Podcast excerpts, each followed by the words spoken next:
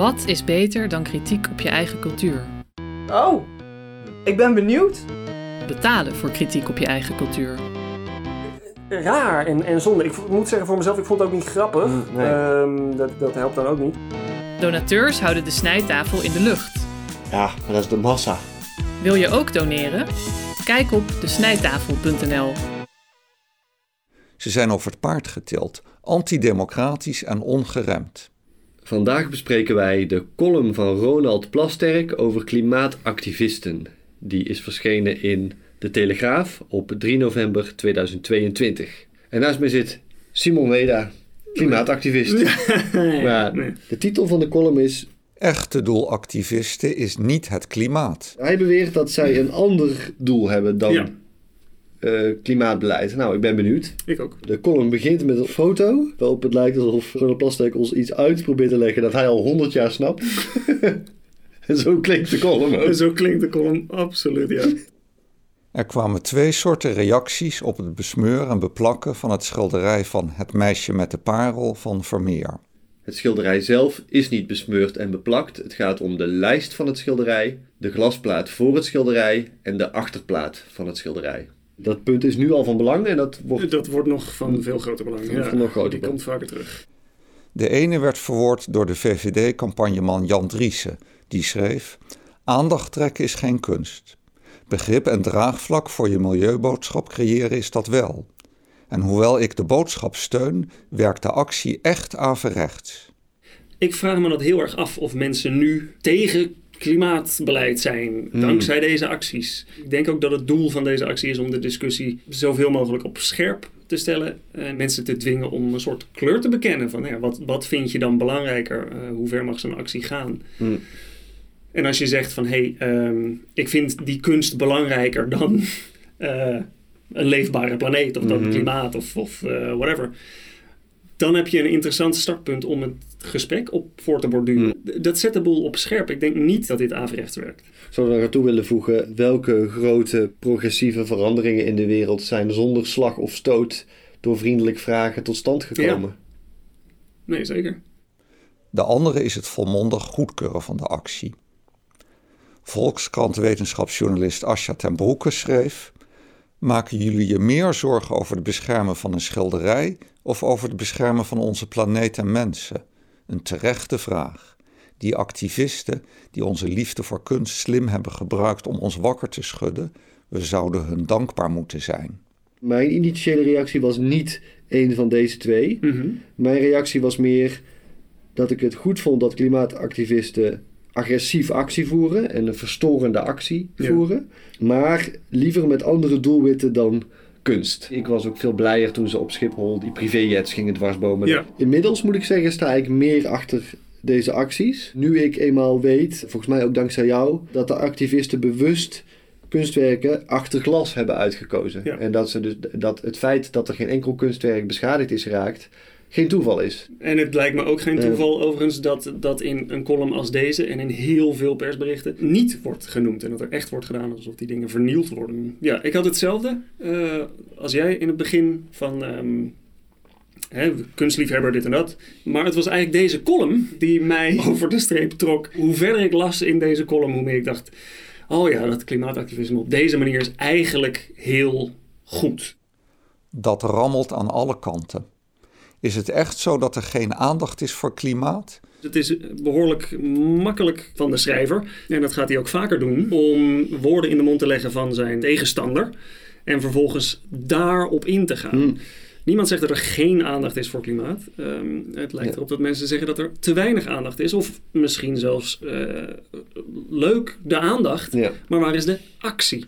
Deze week is Klimaatweek. Dat zegt op zich niet zoveel. Nee, de overheid kan een week uitroepen tot klimaatweek. Ja, probleem opgelost. Er is een mooi overzichtje van Ja. verschillende technieken die er zijn om klimaatbeleid te vertragen en uit te stellen. Een tijdje geleden was dat vooral gewoon het ontkennen van het probleem. Hm. Inmiddels is dat zo moeilijk geworden dat er wat subtielere gereedschappen tevoorschijn worden gehaald. En één daarvan, staat mooi in dat overzichtje, Ja. is individualisme. Oh ja, En dat zie je ook terug op de website van Klimaatweek. ja oké. Wat ja. kun jij doen? Oh Hè? ja, ja. Wat kun jij zelf doen? Ja, en andersom, want dat zit dan weer in deze Ehm, column. Je mag niet komen aan mensen hun individuele recht Ja. om een concert te bezoeken, om naar het museum Ja. te gaan.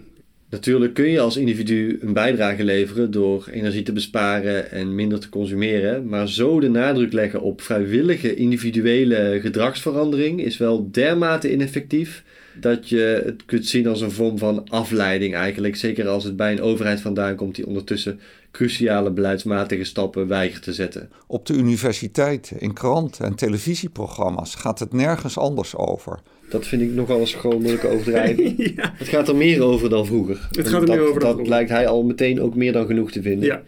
De postcode loterij besteedt geld van de Nederlandse burger aan processen om het klimaatbeleid strenger te maken. Ik denk dat Plasterk erop doelt dat Milieudefensie een van de goede doelen is die gesteund worden door de Postcode Loterij. De Postcode Loterij pocht daarover op zijn eigen website. Ja, op hun website staat inderdaad onze missie.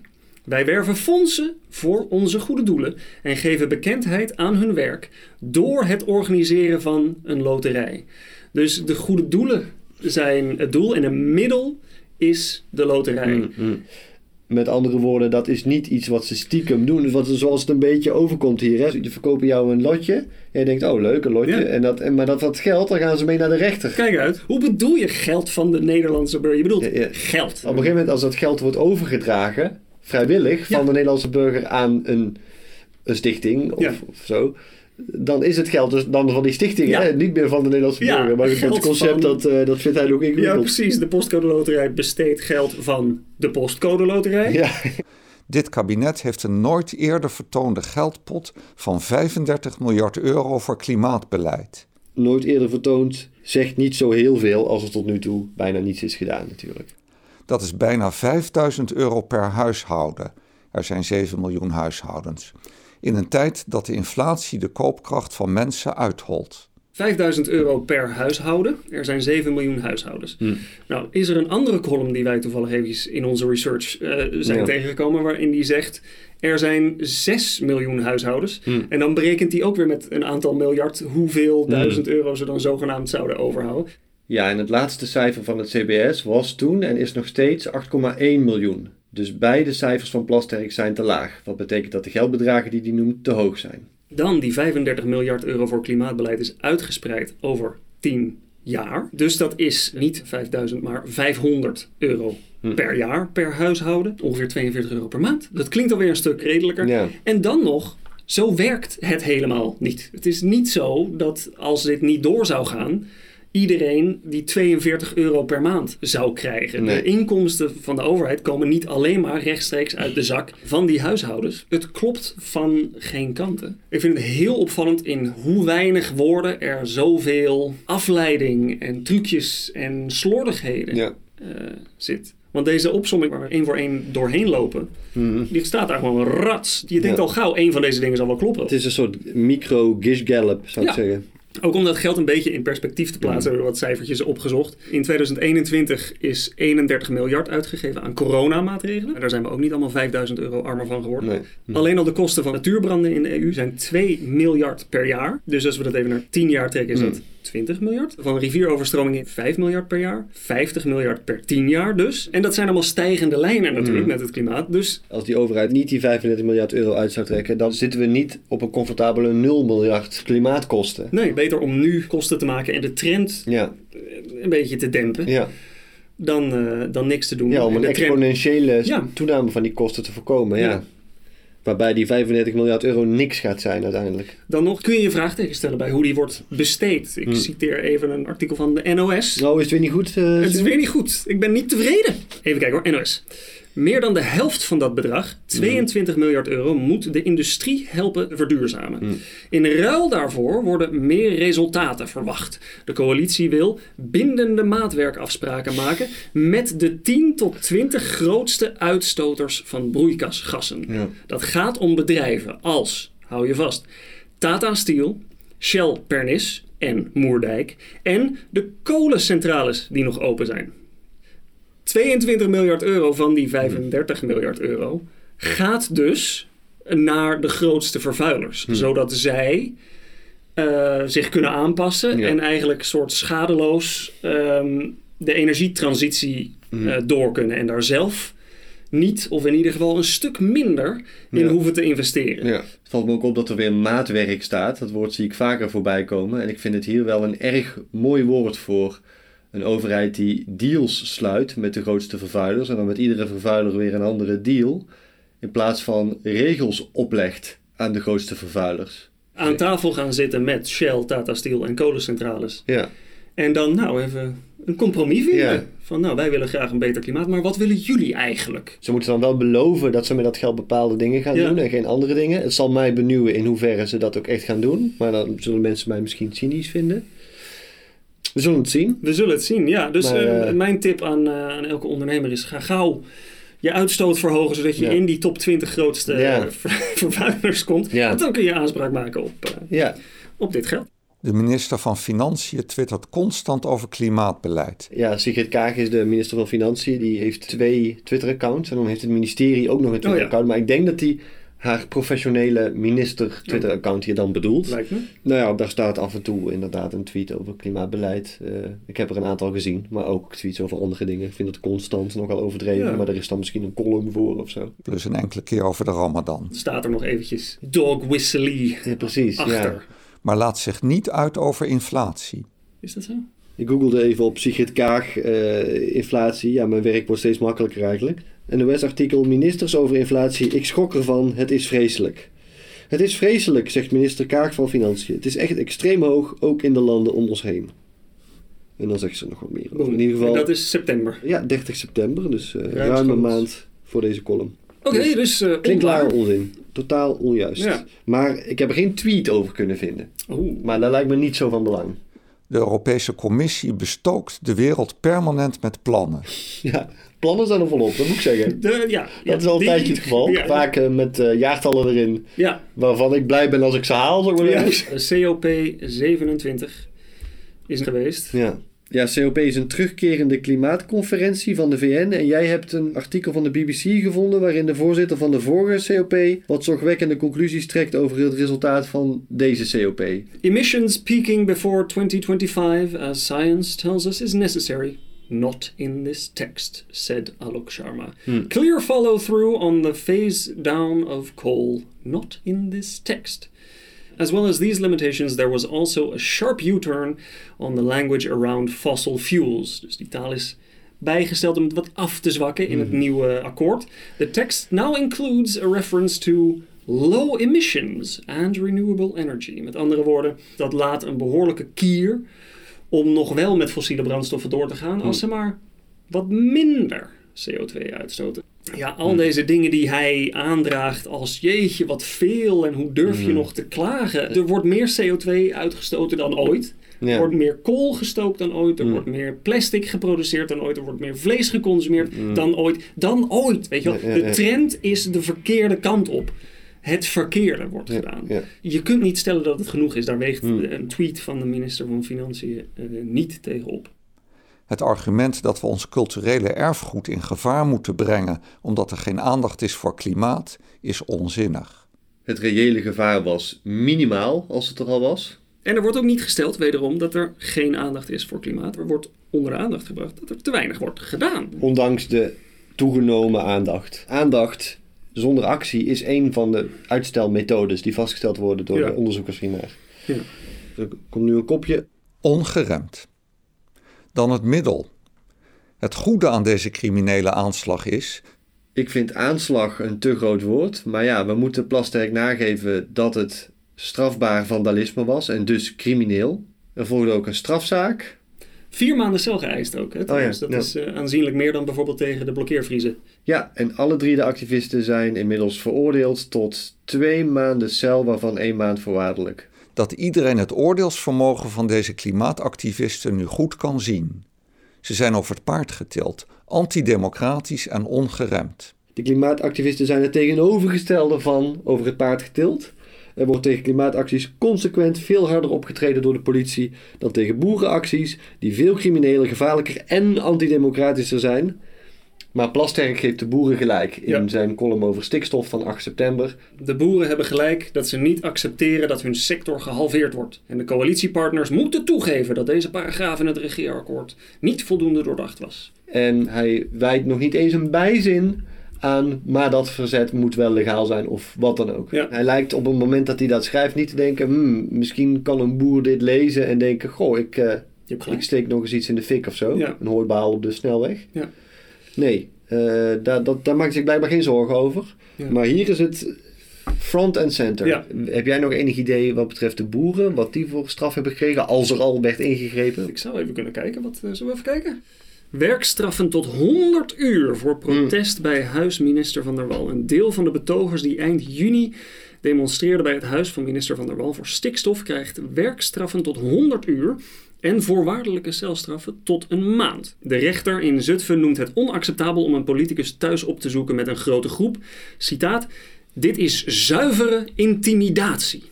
Dus- ja, ik ben geen rechtsgeleerde, maar, maar je zou Ja. denken dat op zuivere intimidatie een hogere celstraf staat dan op vandalisme. Want ook Ja, al is ja. het een glasplaat, je bent wel iets aan het bekladden. Ik maak toch wel een groot onderscheid tussen beschadiging van voorwerpen, en hier niet eens de kunstvoorwerpen zelf, maar de glasplaat, lijst, en geweldsdreiging richting mensen. En dat is wat de boeren consequent doen, naast materiële schade. Ja, naast reële materiële schade. Eh, ik weet toevallig dat er wat betreft strafmaat in Nederland alleen maar oriëntatiepunten zijn, waar rechters zich niet aan hoeven te houden. Rechters hebben maximale straffen per delict Ja. en een minimum van nul. Dus rechters hebben heel veel individuele vrijheid om zelf te bepalen wat de straf gaat zijn. En ik durf eigenlijk al iets verder te gaan dan jij. Ik vind dit heel scheef. En ik denk niet dat dat komt omdat ik een leek ben. Ja. Even kijken Ehm. hoor. Het OM wilde dat er voorwaardelijke celstraffen van twee maanden opgelegd zouden worden. En pleitte voor werkstraffen van 120 uur. Dus dat is ook opvallend. Hm.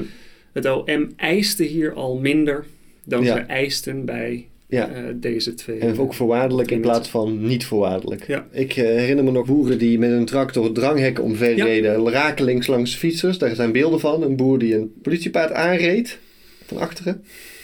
Een boer die twee agenten had gegijzeld. Gegijzeld. Op 29 juni vorig jaar trok er een stoet boeren naar Apeldoorn om wat collega's die daar vastzaten op het politiebureau te bevrijden.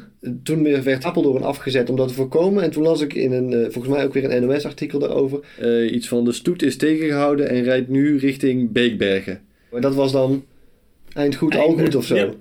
Deze mensen hebben een paar minuten lang eh, in de buurt van een schilderij gestaan. Eh, iets met lijm die waarschijnlijk nooit hard is geworden. Ja, Ehm, ja, die zijn opgepakt en, eh, en in de cel gesmeten. ja. Kleine update. Ik heb na de opname een overzichtje gemaakt van vergrijpen en straffen, zodat je het verschil goed kunt zien. Wat mij het meest opvalt is dat geen enkele van de boeren een onvoorwaardelijke celstraf heeft gekregen. Zelfs niet de boer die twee agenten gijzelde. En dat alle drie de klimaatactivisten bij het meisje met de parel een onvoorwaardelijke celstraf hebben gekregen. Zelfs degene die alleen maar stond te filmen op dat moment. Terug naar de aflevering. Ik ben er echt wel uit dat dit niet deugt, eh, dit verschil. Mhm.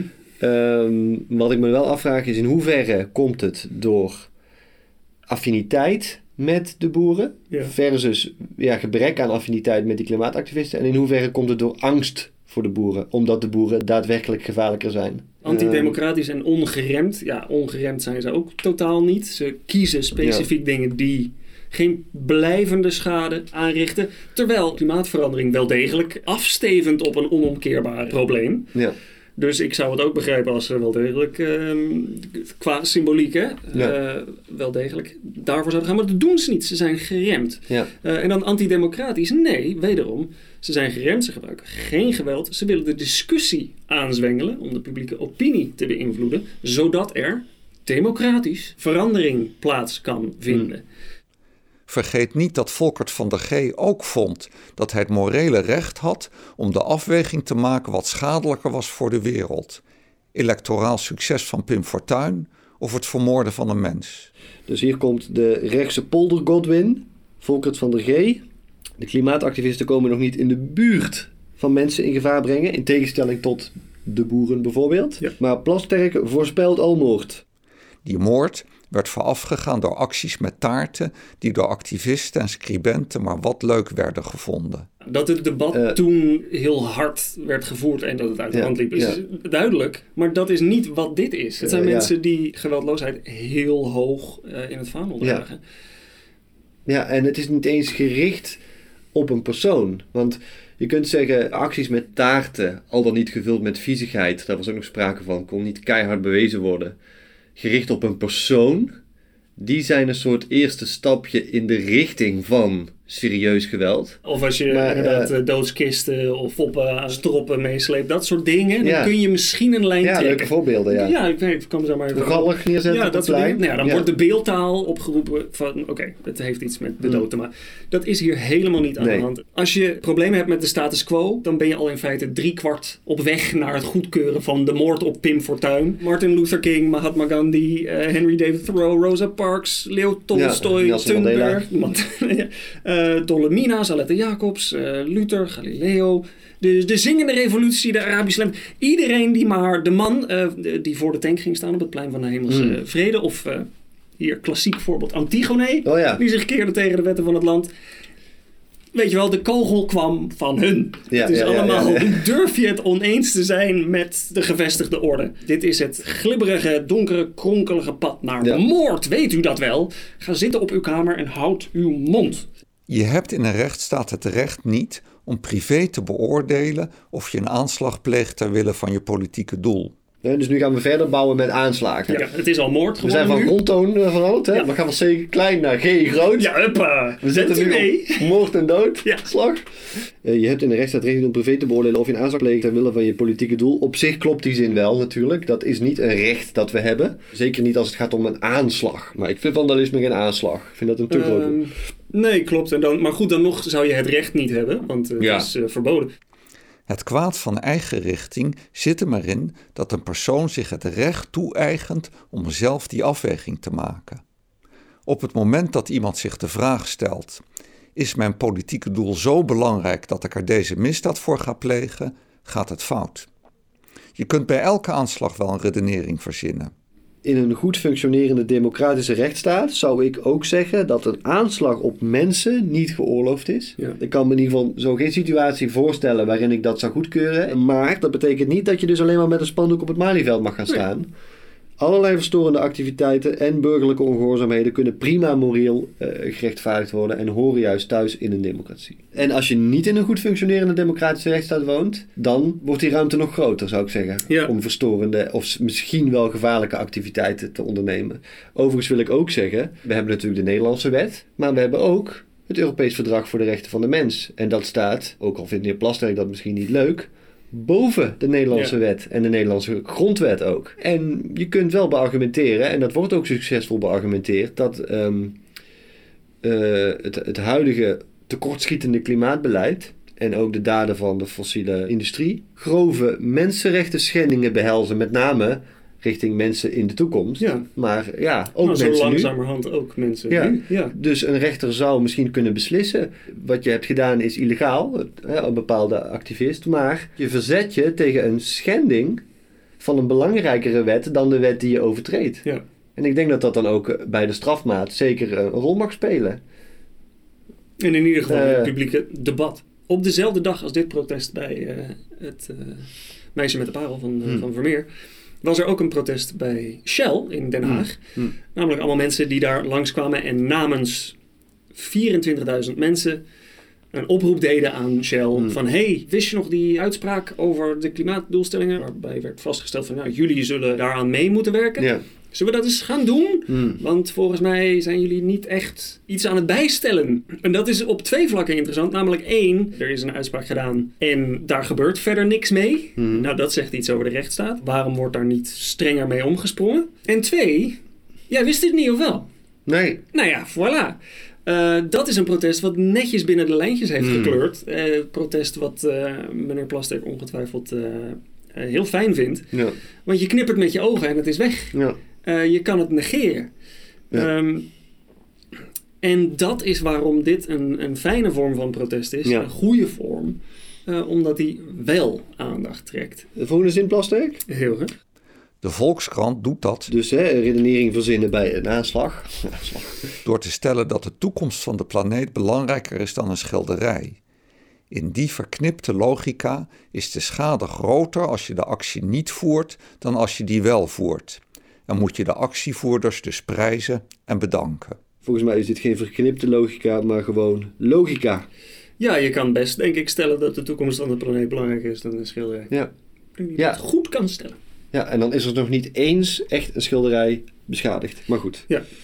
Het is natuurlijk waar Ehm. dat dat niet per se de keuze is. En dat is fijn dat we niet hoeven te kiezen tussen die twee. Maar als wij nog willen kunnen genieten van eh, om het even wat, eh, zij het een schilderij, zij het een eh, eh, wandeling in het park, over 10, 20, 50, 100 jaar, zullen we iets moeten doen. Er wordt gevraagd van, ehm, wat heeft die, die kunst nou te maken met het klimaatvraagstuk?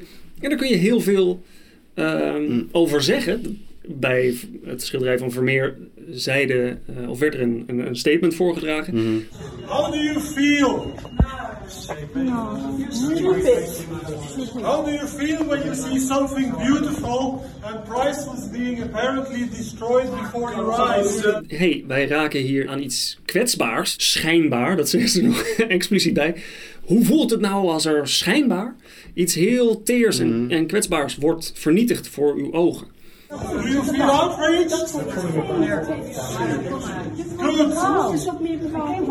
Where is that feeling when you see the planet being destroyed before our very eyes? Die emotie zou u ook moeten hebben bij wat er gebeurt met de aarde. Nou, dat is Ja. een legitieme vergelijking wat Mm. mij betreft. Maar al was die er niet. Het is een manier om aandacht te vragen. Het is een manier om ehm, met dit vraagstuk op plekken te komen waar je het niet zou verwachten, waar het misschien niet mag. Ehm, omdat dit ons allemaal aangaat. This painting is protected by glass. It's just fine. Ook het feit dat ze de veiligheid van het schilderij heel belangrijk vinden. Dat is het al de derde zin. Ja, ze roepen Ja. het heel snel. Vulnerable people in the global south, they are not protected.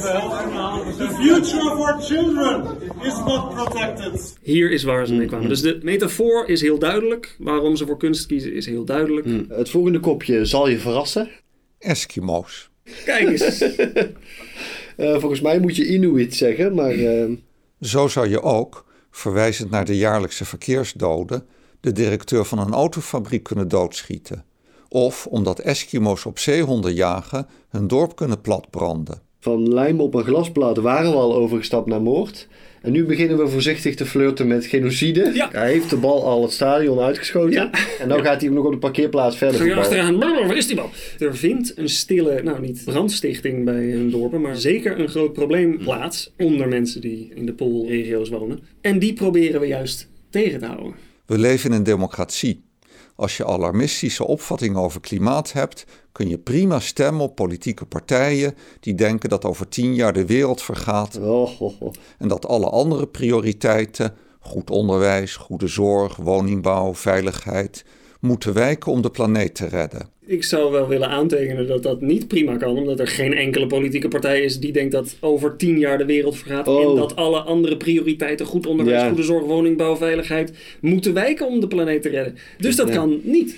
Dat doet hij continu. Een stroom aan Mhm, creëren en een fictieve tegenpartij, een fictieve onredelijke stelling neerzetten die niemand aanhangt en die vervolgens belachelijk maken of, eh, of onderuit halen. Goede zorg is gebaat bij een goed klimaatbeleid. Duurzame Ja. woningen Ja. zijn beter dan minder duurzame woningen. Ja. Veiligheid is gebaat bij een stabiel klimaat en goed onderwijs, hoe dat op gespannen voet zou staan met klimaatbeleid. Ik zou het echt niet weten. Nee, het is juist om te zorgen dat al die dingen kunnen blijven bestaan. Ja, Het klimaatbeleid. En ik zou je toch ook nogmaals willen vragen: waar was Plasterk tijdens de criminele en levensgevaarlijke boerenprotesten met dit punt? Hè? Ga maar gewoon stemmen op BBB en FVD. Waarom zegt hij dat niet tegen de boeren? waarom doet hij net Ja. alsof we moeten inleveren op al deze dingen waar we niet op moeten inleveren? Ja. Maar noemt hij niet de olie? Dat is een interessante, zeker omdat de column later zal gaan draaien om echte doelactivisten is niet het klimaat. Mhm. Is het heel interessant dat hij het nooit heeft over Just Stop Oil, wat Ja. op hun ehm, shirt staat. Er is geen enkele rechtvaardiging voor aanslagen. Niet op personen, niet op andermans bezittingen en niet op ons erfgoed. Dus nu bouwt hij langzaam weer af, terug naar wat er eigenlijk aan de hand is. En dan maakt hij het nog te groot, want hij blijft het woord aanslagen gebruiken, wat ik hier overdreven en misleidend vind. De acties tegen kunst zijn zeker niet zonder schade. Oké, dus nu lijkt hij ons gehoord te hebben bijna en eh Wacht even, mannen. te gaan adresseren. Ja, nou graag. Zelfs als het de restaurateurs lukt om de werken te herstellen, Oké, Plasterk lijkt hier uit te zoomen van de actie bij het meisje met de parel naar alle klimaatacties rond kunst en impliceert dat er werken beschadigd zijn geraakt, mogelijk blijvend beschadigd. Maar uit meerdere artikelen gepubliceerd voor Plasterk's column, waaronder dit zeer uitgebreide artikel dat alle werken één voor één afgaat, bleek al dat er geen enkel werk blijvende schade had opgelopen. Dus zelfs als het de restaurateurs lukt om de werken te herstellen, dat lukt. Een beetje googelen toont aan dat dit niet klopt. Heel kwalijk dat dit gewoon wordt getypt door Plasterk en Ja. gewoon wordt afgedrukt door de Telegraaf zonder te checken. Ja, vergeet. Want er zit nog een controle op. hè. Het is niet het is een persoonlijke blog. Het is een krant. Er zit een een grote krant. boven, ja. Overigens, in het vonnis van een van deze activisten gebruikt de rechter de schok in de maatschappij als argument voor hoe ernstig dit delict was. En die schok zou dan onder meer zijn gebleken uit reacties in de media. Met andere woorden, dergelijke overdrijvingen van de schade in de media zouden wel eens een strafverzwarend effect kunnen hebben gehad. Misschien deze specifieke column net niet, want die verscheen maar één dag voordat dit vonnis werd uitgesproken. Zullen meer schilderijen achter dik glas verdwijnen, wat een barrière opwerpt om de kunst te ervaren. De klimaatactivisten hebben bewust werken uitgekozen die achter glas zaten. Ja. Wat betekent als er meer werken achter glas komen te zitten, dan komen er dus meer werken in aanmerking. ja. Er is wel één schilderij, daar had iemand een soort poster overheen geplakt. En daarbij was het vernis van het schilderij disrupted, verstoord. Ik weet niet precies wat dat betekent. In ieder geval, die verstoring van het vernis wekt bij mij de indruk dat daar misschien geen glas voor zat. En toch heeft iemand er iets op geplakt. Ook dit schilderij ging trouwens de volgende dag weer gewoon op zijn plek. Dus wat de verstoring aan het vernis ook precies was, het was in een mum van tijd weer in orde. Je kan ook je afvragen wat een stuk glas afdoet aan de kunstbeleving. Mensen met een bril hebben die ook eh, minder kunstbeleving. Want, eh, ik bedoel, je kan Ja. er doorheen zien. De Mona Lisa kun je nu al beter in een boek bekijken dan in het Louvre. Daar ben ik het ergens wel mee eens. Het is alleen, het haalt zijn argument een beetje onderuit. Waarom zou je per se naar het Louvre gaan? Waar je, eh, ik heb het even opgezocht, er gaan per jaar 10 miljoen mensen ongeveer door het. Louvre heen. En om die reden heb je als bezoeker altijd maar 30 seconden om te kijken naar, eh, naar de Mona Lisa. Terwijl je inderdaad met een mooie print of een goed boek, daar kun je alle tijd voor nemen. Dat die kunstbeleving zo is aangetast, komt in het geval van de Mona Lisa zeker niet door de Ja. klimaatactivisten. Het komt gewoon omdat heel veel mensen het willen zien. Dus een raar voorbeeld. Dankzij deze gekken zullen honderdduizenden mensen voortaan gestoord worden in het genieten van onze kunst. Laat ik even proberen maximaal mee te gaan Oké. met Plasterk hier. Meer werken achter glas zou een gevolg kunnen zijn. Ja. En dat glas kan een beetje spiegelen of zo. Eh, volgens mij weten ze ook wel goed dat, dat goed te voorkomen Ja. vaak. Maar oké, stel dat er dan iets wordt afgedaan aan de kunstbeleving. Je kunt er misschien iets minder dichtbij komen, Mhm. ook door beveiliging. Dat is niet te vergelijken met de gevolgen van moord, waar we het net over hadden. En ik vind het ook zeer aanvaardbaar gezien wat er op het spel staat. Dat is, dat is een schade waarvan ik vind dat je die wel mag riskeren. Dat brengt ons op de prominente VVD'er Jan Driessen. Die zegt dat hij de manier van actie voeren onverstandig vindt, maar de milieuboodschap steunt. Jan Driessen heeft in VVD-campagnes een grote rol gespeeld en is nog steeds een belangrijke insider in de VVD-top. Zijn mening doet ertoe. Dat wist ik niet, maar dat zal er wel. Maar wat is dan eigenlijk het standpunt van de actievoerders dat Driessen steunt? Nu gaan we naar het laatste kopje. Kerncentrales. De actievoerders zijn daar vaag over. Daar gaat het weer mis. Ja. De actie heette Just Stop Oil. Toch in ieder geval, dat stond op de t-shirt van de mensen die eh, zich vastlijmden of die actie voerden bij het meisje met de parel. Ja. Eh, Just Stop Oil is een Brits initiatief. Ja. En ik heb op hun website gekeken en daar staat... Just Stop Oil is a coalition of groups working together to ensure that the government commits to ending all new licenses and consents for the exploration, development and production of fossil fuels in the UK. Niet vaag. Het is niet vaag, nee. Het is weer zo'n klassiek retorisch trucje van je houdt je vingers in je oren en ogen dicht en leest er niks over en luistert niet naar wat ze zeggen en dan zeg je Ja. jullie zijn vaag. Ik la la la la la. Ja, precies. Nee, vaag. Ik vind dat statement ook niet vaag. Het statement was helemaal niet zo vaag. Nee. Nee, je kan behoorlijk goed zien wat ze willen, waarom ze deze actie op deze manier doen. Nou, Wat we weten is dat ze wel acties voeren tegen weerloze kunstwerken. Tegen weerloze kunstwerken. Ja. Nee, het is geen betoog tegen eh, kunst Ja, of ja. tegen musea. Maar niet naar de bruinkoolmijnen gaan die nu in Duitsland heropend worden door de kernuitstap. dat is ook weer feitelijk onjuist. Ik heb weer gewoon een NOS-artikel gevonden. Duits dorp bij Roermond verliest strijd tegen bruinkoolmijn. Er is een dorp over de grens bij Roermond waar klimaatactivisten zich verschanst hebben, want de oorspronkelijke bewoners van het dorp zijn al weg, Ja. Om zich te verzetten tegen de komst van een bruinkoolmijn. Ja. Het is gewoon compleet onjuist wat Plasterk schrijft. ja, dus het is weer of je doet de meest basale research niet, Ja, ja. of je liegt. Ja, en bruinkoolmijnen zijn net zo weerloos als kunstwerken trouwens. Overigens, ja. Ik wil ook nog even het punt maken dat, eh dat is een beetje een zijdelingspunt, maar Mhm. Duitsland opent niet alleen kolenmijnen vanwege de kernuitstap, maar ook om snel minder afhankelijk te worden van Russisch Ja, gas. tuurlijk.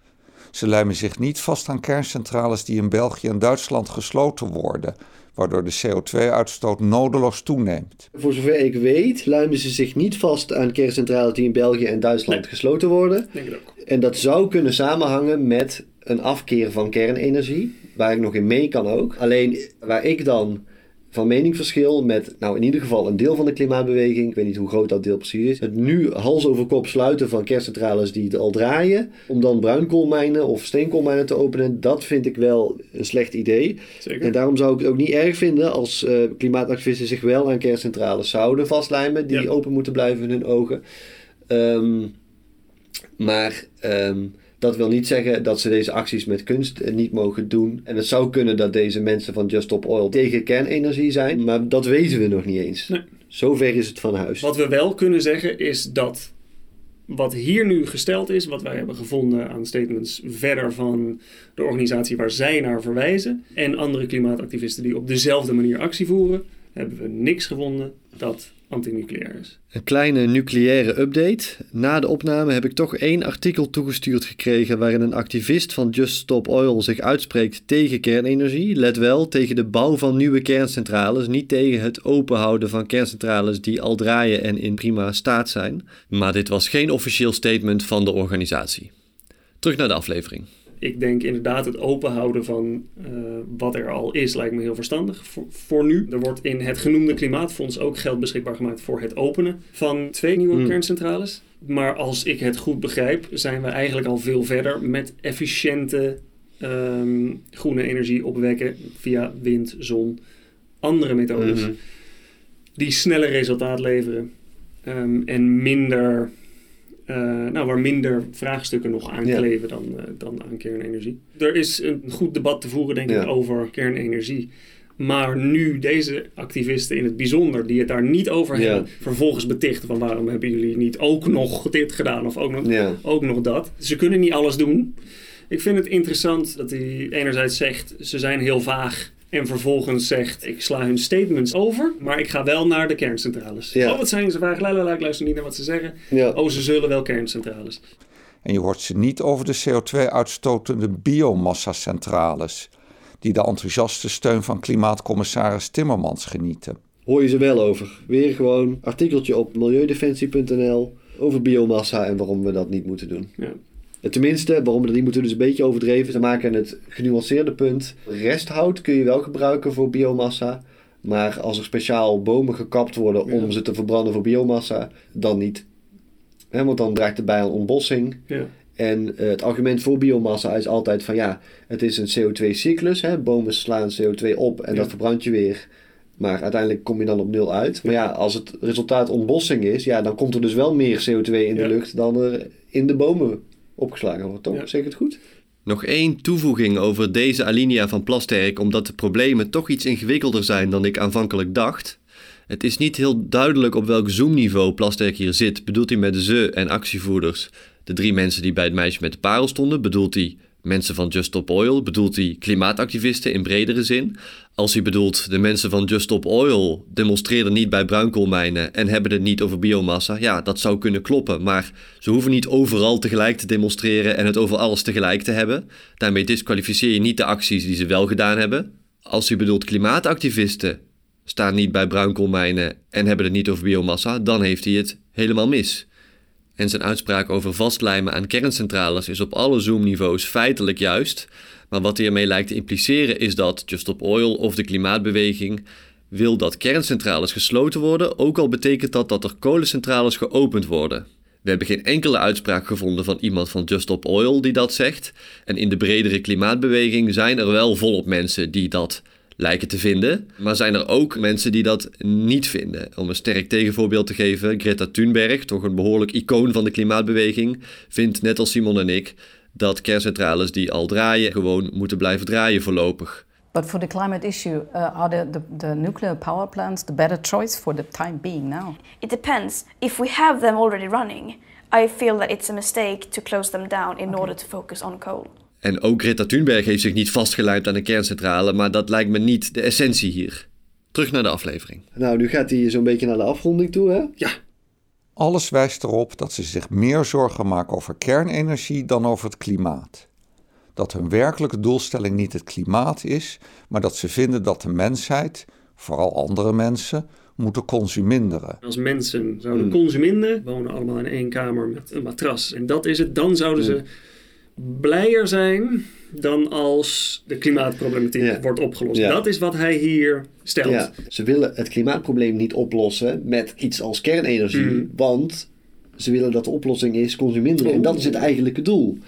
Dus wat hij hier ook impliceert, vind ik, is dat die bezwaren tegen de kernenergie ook niet oprecht Ja. zijn. Ehm, Hij doet hetzelfde in een column over stikstof, waarin hij zegt van ja, ze hebben het over stikstof. Maar eigenlijk willen ze dit andere dingetje. Alsof je het niet voor mogelijk houdt dat iemand oprecht bezig zou zijn met, Ja. met het klimaat. de beweegredenen verdacht maken van de mensen die iets Ja. aan het klimaat willen doen. Het is een manier van denken die mij doet denken aan complottheorieën. Het is er nog net geen, maar het gaat wel die kant op. Zie je wel? Ja. Ik heb even gecheckt en ze waren inderdaad niet op dat moment bij die kerncentrale. Die Ja, eigenhandig weer aan het opstarten. Ja. Dat bewijst alles. In een statement wat meneer Plaster niet heeft gehoord of kiest te negeren, hebben ze het heel erg over hoe voelt het nou om dit te zien. Dus ze spelen het heel erg op de Ja, mens, ja. dat is zeker waar. Maar goed, Just Stop Oil roept om geen nieuwe deals en infrastructuur met olie. Dat is niet een oproep aan jou en mij. Hmm. Ja. Dat is niet een oproep aan de burger, dat is een Ja. oproep aan de overheid. Om nu te zeggen, ja, ze doen weer dat consuminderen ding van dat de kleine man weer verantwoordelijkheid moet nemen. Over het algemeen zijn Hmm. milieubewegingen heel erg bezig met nee, we willen beleidsmatige aanpassingen. En zo op het oog zijn de doelstellingen van Just Stop Oil dat ook. Die consumindere sfeer, die proef ik veel meer bij overheidsinitiatieven die Plasterk misschien al veel te ver vindt gaan, Mhm. maar die op mij overkomen als voornamelijk pappen en nat houden en de indruk wekken dat we iets doen, zonder echt iets te doen, dan bij de harde activisten. Ja. En ik krijg ook het idee dat hij zich hier in zijn kaarten laat kijken in zoverre dat hij vooral niet wil consuminderen. Ja, Het zou goed zijn dat vanuit de VVD-top niet gesteld wordt dat men het doel van de acties deelt. Dat zou misschien wel beter overeenkomen met wat de VVD daadwerkelijk doet. het zou, ja. ja, wat dat betreft zou het goed Ja. zijn. Het zou eerlijk zijn. Ja, het zou eerlijker zijn. Het gaat ineens niet meer over de manier van actie voeren. Het Mm. gaat om het doel Hmm. van de acties. Ja. Dat we dat niet delen. Dus middel en doel zijn totaal verwerpelijk Ja. eigenlijk. We zijn er door. Een schoolvoorbeeld van de misleidende retoriek Ja. Die gebruikt wordt door mensen die klimaatbeleid willen uitstellen of afstellen. Ik krijg het idee, na een aantal columns eh, besproken te hebben hier, dat, dat, dat nou, de- ik heb niet zo'n hoge pet op van de Telegraaf, zal ik eerlijk zeggen, maar ook eh, publicaties waar ik een iets hogere pet van op heb, lijken te denken dat in columns alles maar eh, Ja. moet kunnen. Zijn mening, hè? Ja, precies. Dat is een mening. En dan mogen dan ook maar ineens eh Die leugens je- eh, ja. in staan. Die mag je best onderbouwen met leugens, hoor. En het punt wordt regelmatig gemaakt van ja, als we nou zeggen Plasterk, stop maar met je column, want er klopt van alles niet. Ja, dan zijn we toch een censuur aan het plegen eigenlijk. Hè? Als dat het standpunt is, dan zou ik willen zeggen, nou geef dan Simon maar meteen ook een column. Geef mij ook maar Ja, meteen een column. maar een column, Geef ja. ieder heel Nederland maar een column, want je onderdrukt het blijkbaar de vrijheid van meningsuiting Ja. van iedereen die je niet afdrukt. Nou, daar zullen ze het niet mee eens zijn. Eh, dat bewijst dat dit punt onzin is. Je bent niet verplicht om Plasterk een column te geven. Je bent niet verplicht om, als je hem eenmaal een column gegeven hebt, om die dan ook maar te houden, ook al staat er gevaarlijke onzin in. Eh, je doet gewoon je werk als krant wanneer je op basis van bijvoorbeeld deze column zou zeggen. Dat was hem. Ik vind eigenlijk dat de discussie over het klimaat nog op een uitzonderlijk beleefde manier gevoerd wordt. Door de klimaatactivisten met name. Mhm. Gezien hoe een enorme misdaad er eigenlijk aan de gang is. Wat er aan de hand is met het klimaat is zo ernstig dat er grove schendingen van mensenrechten al aan de gang zijn en nog veel grovere zullen komen. Dat wil niet zeggen dat wij ons helemaal niet meer hoeven te houden aan Nederlandse wetgeving Als wij maar denken dat er misschien een mensenrecht in het geding Mhm. is. Maar het geeft wel even een idee van de proporties. Dat wat deze klimaatactivisten aan de kaak stellen wel belangrijker is dan een of andere Nederlandse wet die zegt dat je geen graffiti mag spuiten op een bushalte. Ja, stel dat er meer stemmen gaan naar eh, partijen die niets willen doen met het klimaat, die dat niet willen aanpakken. Ehm, dan zeggen wij nu, ja, dan heeft de democratie geen gelijk. Eh, en, en moet de overheid, de democratisch verkozen eh, overheid, gedwongen worden tot ons inzicht te komen.